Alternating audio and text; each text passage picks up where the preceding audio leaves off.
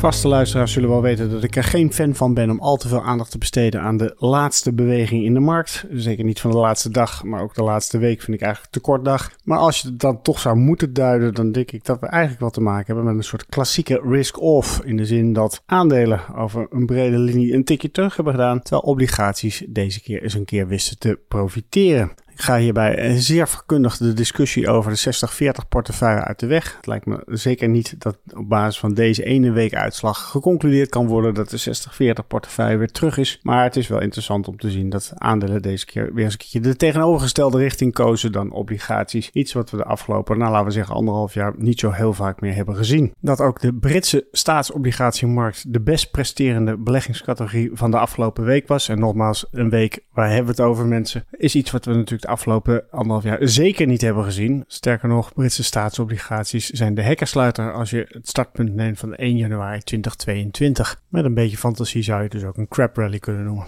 U luistert naar De Daalder Denkt Hardop. Uw vragen kunt u stellen bij vraag.daalder.blackrock.com en we houden het tempo er deze week even stevig in. Misschien moet ik dit de surprise-editie van de Daalder Denkt Hardop noemen. Want er waren de afgelopen week toch echt wel weer een paar vreemde uitschieters. Waarvan je dacht van, hé, hey, deze had ik niet zien aankomen. Dan hebben we het natuurlijk in de eerste instantie over het fantastische avontuur met de Wagner Group in Rusland de There and Back Again richting Moskou om vervolgens uiteindelijk in Wit-Rusland te belanden. Wat toch een beetje een vreemde draai was van het hele verhaal. Nou, ik ga hier niet in op alle details. Ik denk dat iedereen inmiddels wel meer dan genoeg analyses gelezen heeft over wat er wel niet en uh, misschien toch wel gebeurd is tijdens die afgelopen, nou, laten we zeggen, 72 uur. Maar ik vind het wel interessant om de vraag te stellen wat er met de financiële markt was gebeurd als dit allemaal niet in het weekend had plaatsgevonden. Want helaas, het begon eigenlijk allemaal in het weekend en het eindigt ook allemaal voordat het weekend weer voorbij was. Met als gevolg dat de markt er op maandag ja, een beetje schouderophalend op leek te reageren. Natuurlijk, er waren hier en daar wel wat uitschieters in, bijvoorbeeld producenten van wapentuig. Maar om nou te zeggen dat de bredere markt of de risicoperceptie door het hele akkefietje echt geraakt is, nee, dat gaat me ook wat ver. Het was niet zo dat de risk-off die ik eerder beschreef, dat dat na het weekend plaatsvond. Nee, dat was een trend die eigenlijk al gedurende de hele week zichtbaar was. Zelfs de markt die het meest direct door deze gebeurtenissen geraakt had kunnen worden, dat is de Russische aandelenmarkt. Ja, die sloot wel lager op maandag, maar om nou te zeggen dat het een hele schokkende uitslag was, nee, niet echt. En dat heeft waarschijnlijk ook te maken met het feit dat er niet heel erg duidelijk is wat dit nou voor consequenties gaat hebben. Uiteraard lees je overal dat het een blamage is voor Poetin, dat hij zijn gezag is aangetast en dergelijke. Ik zag zelfs ergens iemand die speculeerde dat hij zich niet herkiesbaar zou stellen in het jaar 2024. Nou, dat valt voor mij heel erg onder het kopje eerst zien dan geloven.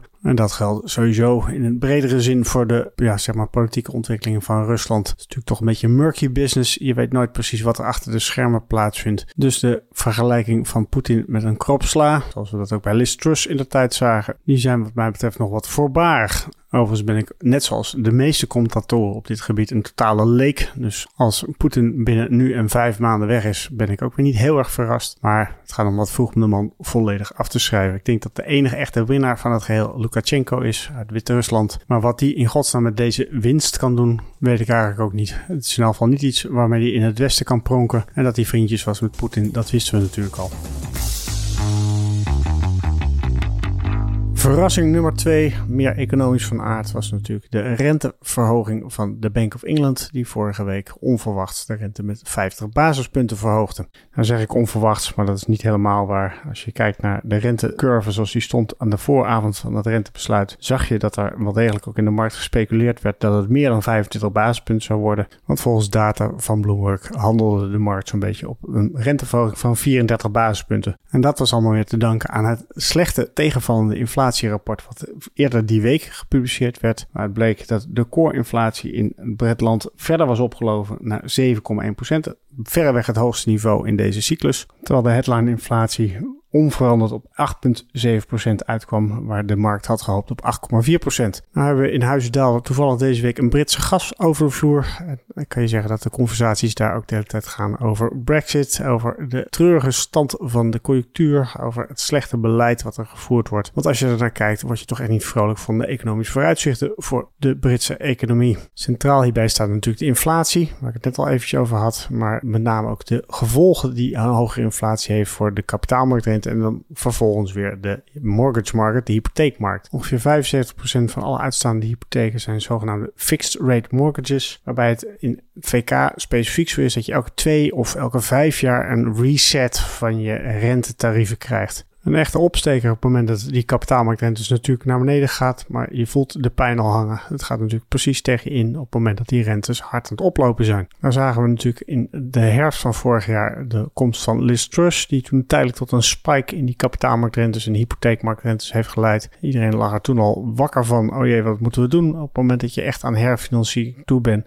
Gelukkig daalde de kapitaalmarktrente in de periode dat Liz het veld ruimde. Maar inmiddels zie je eigenlijk de afgelopen maanden dat die kapitaalmarktrentes weer gestaag zijn opgelopen. Sterker nog, begin vorige week tikte de 10-jarige Britse kapitaalmarktrente eventjes de 4,5% aan. Precies het piekniveau wat we zagen toen Liz Truss haar mini-budget bekend maakte. Gevolg hiervan zijn de hypotheekmarktrentes ook weer boven de 6% beland. En inderdaad, dat is een verdrievoudiging van de niveaus die je zag, laten we zeggen, een jaar of twee, drie geleden. En ook de gast in Huisdaler had precies datzelfde verhaal. De hypotheekkosten die hij moest gaan betalen lagen een heel stuk hoger. Weliswaar was hij nog gelukkig geweest. Dan had hij nog in het begin van 2022 een herfinanciering doorgevoerd. Maar het betekent sowieso dat je maandlasten behoorlijk omhoog zijn gegaan. En dan in zijn geval niet het piekniveau, maar zelfs als het een verdubbeling zou zijn, dan is het uiteraard een aantasting van je besteedbaar inkomen. En dat is niet de enige plek waar die hoge inflatie en die gestegen kapitaalmarktrentes pijn doen. De Britse overheid is ook zeer gevoelig voor die ontwikkelingen. Dan kan je zeggen dat elke overheid in de wereld last heeft van stijgende kapitaalmarktrentes. Schuld moet worden geherfinancierd, de rentelasten gaan omhoog. Ja, het enige probleem is dat Britland ook hier weer net afwijkt van de rest van de wereld. Want zij geven best wel een groot deel van hun schuld uit in inflatie-linked bonds. Oftewel obligaties die compenseren voor het feit dat die inflatie zo hard oploopt. Gunstig nieuws natuurlijk voor degenen die die obligaties gekocht hebben. Denk hierbij aan de Britse pensioenfondsen. Maar iemand moet de rekening betalen en in dit geval is dat natuurlijk de Britse overheid. Als je ziet dat die inflatie ook deze maand weer opnieuw gestegen is of stabiel op een hoog niveau is gebleven, betekent dat eigenlijk dat je elke maand weer hogere maandlasten moet ophoesten als overheid. Dus ook dit ondergraaft zeg maar de flexibiliteit en de slagkracht van de overheid. Juist in tijden dat je zou willen dat zo'n overheid ergens bij kan springen. Volgens de cijfers van Bloomberg is het overheidstekort in het laatste kwartaal gedaald of gestegen, moet ik zeggen, gestegen tot min 5,3 procent. Waar we in september vorig jaar nog een tekort van 3,9% op de borden hadden zien staan. Nou moet je denk ik waken dat je te harde en stellige conclusies gaat trekken op basis van één kwartaalcijfer. Maar de trend lijkt in elk geval de verkeerde kant op te gaan. En hier zit je natuurlijk ook nog eens een keer met de volgende factor, namelijk de huidige regering, de conservatieve regering, is niet heel populair. Ze moeten volgend jaar parlementsverkiezingen uitschrijven. Ja, succes daarmee. Ga je op dit moment dan echt heel drastische maatregelen afkomstigen om het zaakje onder controle te krijgen? Nou, die kans lijkt natuurlijk niet heel erg groot. Het volk moordt de onvrede groeit. En dat blijkt bijvoorbeeld ook uit de laatste polls die laten zien dat op dit moment 58% van alle Britten voorstander is om toe te treden tot de EU of te blijven in de EU. Het is maar hoe je het wil formuleren. Maar de leavers, de Brexiteers, die staan op dit moment op 42%. Overigens waarschuw ik er nog maar eens een keertje voor. Laat dit vooral niet doorslaan in leedvermaak. Zo van, ah, wat hebben die domme Britten zichzelf in hun eigen voet geschoten. Wij zijn ook nog steeds belangrijke handelspartners van het WK.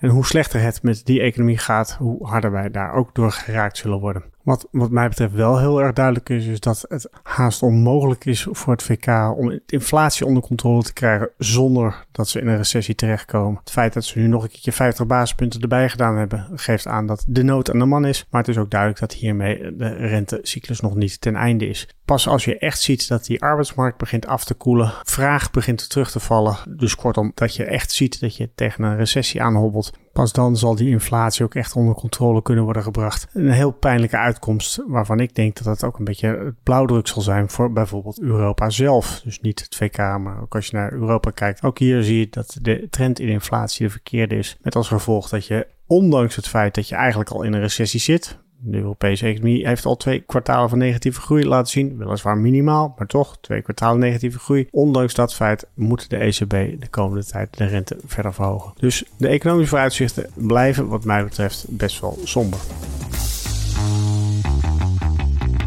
En dat brengt me bij verrassing nummer drie, waar ik ook nodig over gelezen heb de afgelopen tijd. De verdere daling van de VIX-index. De maatstaf die de verwachte volatiliteit in de optiemarkt in Amerika weergeeft. De VIX-index is de afgelopen twee jaar natuurlijk behoorlijk hoog geweest. Althans, de volatiliteit was hoog en daarmee lag de VIX-index ook hoger. Piekte tijdelijk eventjes boven de 80 in de, zeg maar, de echte sell-off van maart 2020. Maar handelde eigenlijk sinds die tijd ja, toch wel echt op elevated levels, zoals je zou kunnen zeggen. Nou, die zakte vorige week onder de 14, waarmee je eigenlijk terug was naar de niveaus die je voor de coronacrisis zag. Zo'n beetje 2019 voor het laatst hebt aangetikt. Is dat verrassend, dat lage niveau? Uh, ja, je kan zeggen van wel. Er is natuurlijk veel onzekerheid in de wereld. Denk even de afgelopen berichtgeving in het weekend in Rusland. Uh, er is onzekerheid over inflatie, onzekerheid over economische outlook, onzekerheid over winstgevendheid, AI, wat gaat het doen? Dus je kan allerlei eh, scenario's bedenken waarbij er juist meer volatiliteit verwacht zou kunnen worden. Maar aan de andere kant hebben mensen ook altijd een beetje een vreemd beeld van die fix.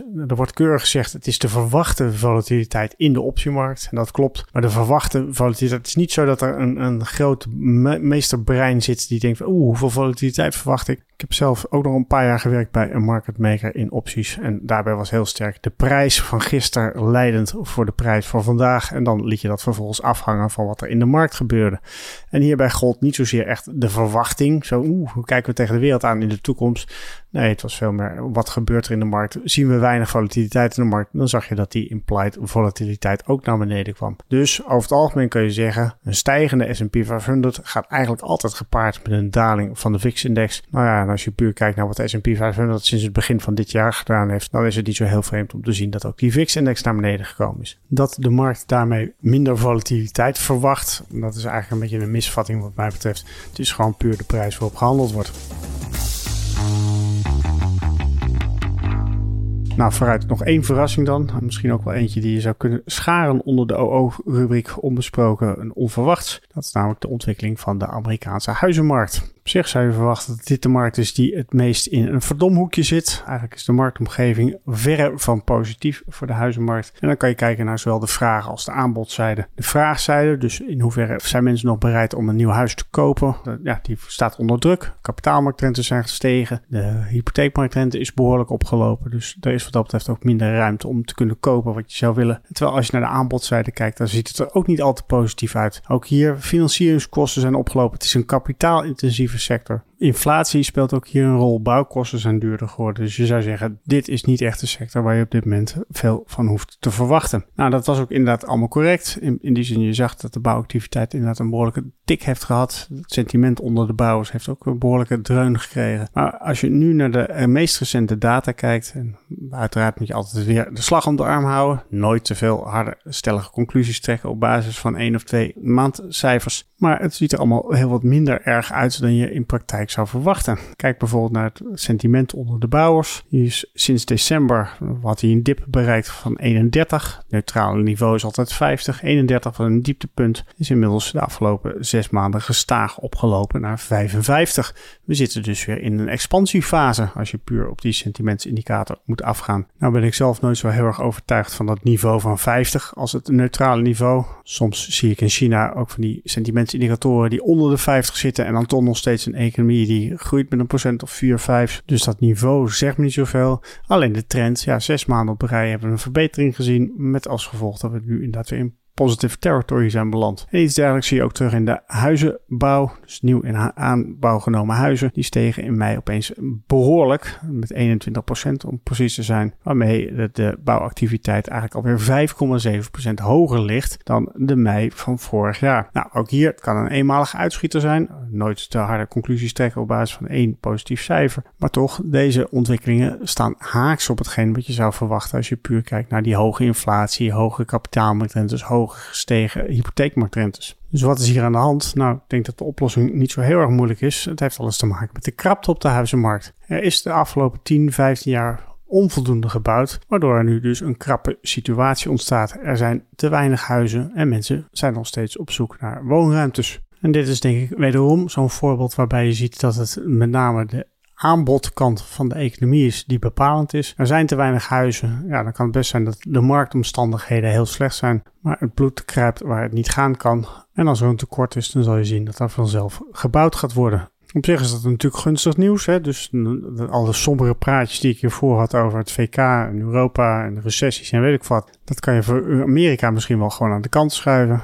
Het enige nadeel hierbij is natuurlijk dat het weer haaks kan staan op het beleid van de Federal Reserve. Die wil de groei laten verzwakken om zo de inflatie onder controle te krijgen. Nou, mocht die inflatie om een wonderbaarlijke reden vanzelf onder controle komen, dan is het geen enkel probleem. Hè? Dan heb je echt over een soft landing, mooie uitkomst. Maar het risico is natuurlijk even groot dat door het aantrekken van de groei in deze sector er weer nieuwe tekorten in de arbeidsmarkt ontstaan. Met als gevolg dat je ziet dat die inflatie weer verder gaat oplopen. Meer in het algemeen kun je zeggen dat aanbodproblemen altijd moeilijker zijn voor een centrale bank om daarmee om te gaan. Als het te veel vraag is, nou, dan kan je makkelijk de rente verhogen om zo de vraag te verminderen. Een tekort aan huizen, tekort aan arbeid, ja, dat los je niet op met een renteverhoging. Uiteraard kan je als centrale bank vervolgens zeggen: ik ga kosten wat kost die vraag toch terugbrengen naar het niveau van aanbod. Nou, dat kan, maar dat is een zeer pijnlijk proces met alle economische gevolgen van dien. En dit sluit dan weer aan bij een uitspraak die Gita Kopinat deed. Dat is de managing director van het IMF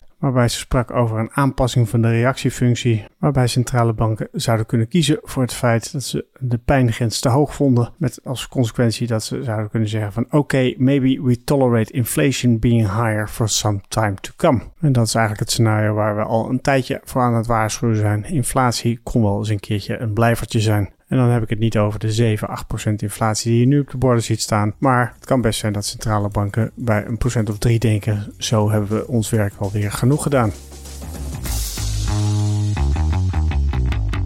Ondanks mijn poging om een beetje uptempo te houden in deze podcast, zie ik toch dat ik alweer redelijk dicht tegen de tijd aan zit. Dus moet ik nu snel doorgaan met de podcast tips. Het was een rijke oogst deze week, moet ik toegeven. Meerdere podcasts gehoord waarvan ik dacht van nou, dat is toch inderdaad wel heel erg interessant om even naar te luisteren. Eentje, begin ik gelijk maar mee, is er eentje uit de serie van Freakonomics. Doorgaans ben ik daar niet zo'n hele grote fan meer van. Vroeger vond ik een hele leuke podcastserie tegenwoordig wat minder. Maar deze vond ik toch wel weer de moeite waard. Het is editie nummer 547. Ja, daalder, dan heb je nog een heel eind te gaan.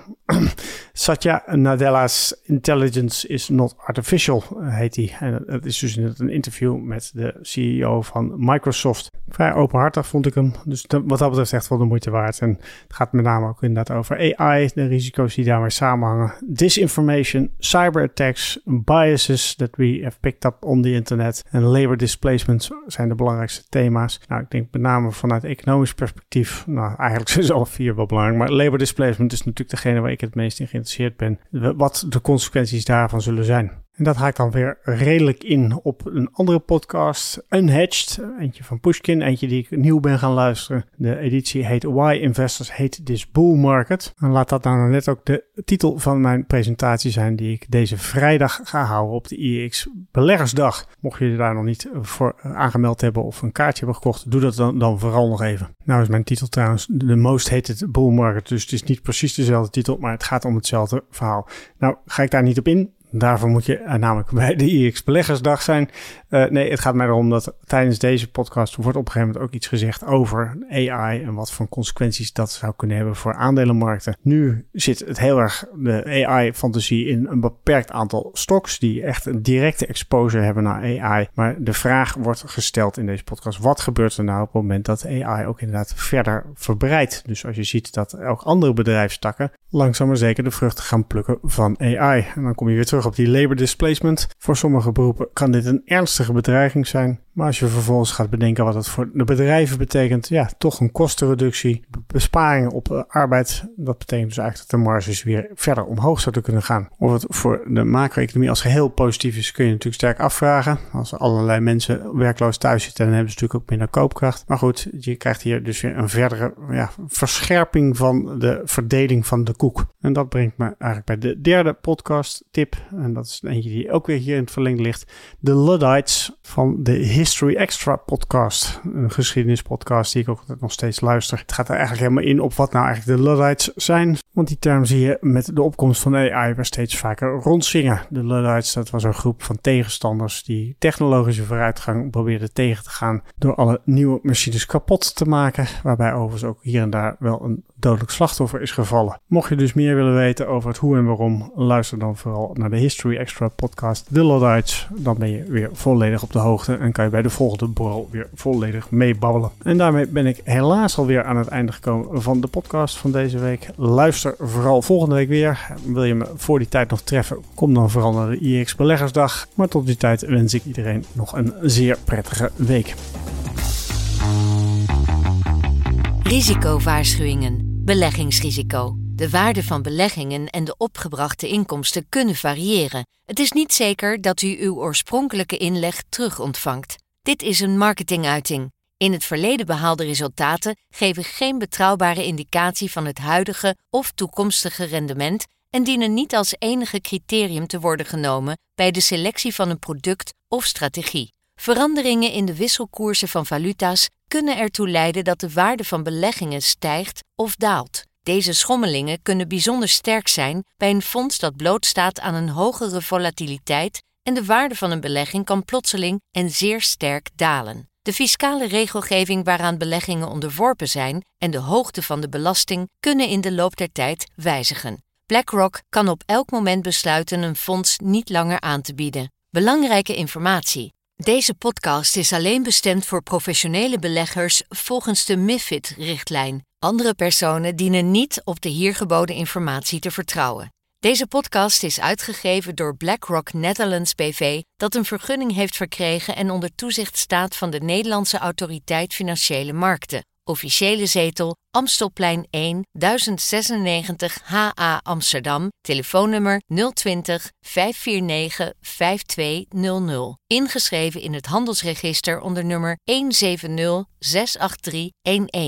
Om u te beschermen worden telefoongesprekken doorgaans opgenomen. Alle in deze podcast vermelde researchgegevens zijn verstrekt door BlackRock en kunnen door BlackRock inmiddels voor eigen doeleinden gebruikt zijn. De resultaten van dergelijke research worden slechts incidenteel verstrekt. De hier geuite visies vormen geen beleggingsadvies en kunnen aan verandering onderhevig zijn. Ze weerspiegelen niet altijd de gezichtspunten van een bepaalde onderneming binnen de BlackRock groep of van een afdeling daarvan en de juistheid ervan kan niet worden verzekerd.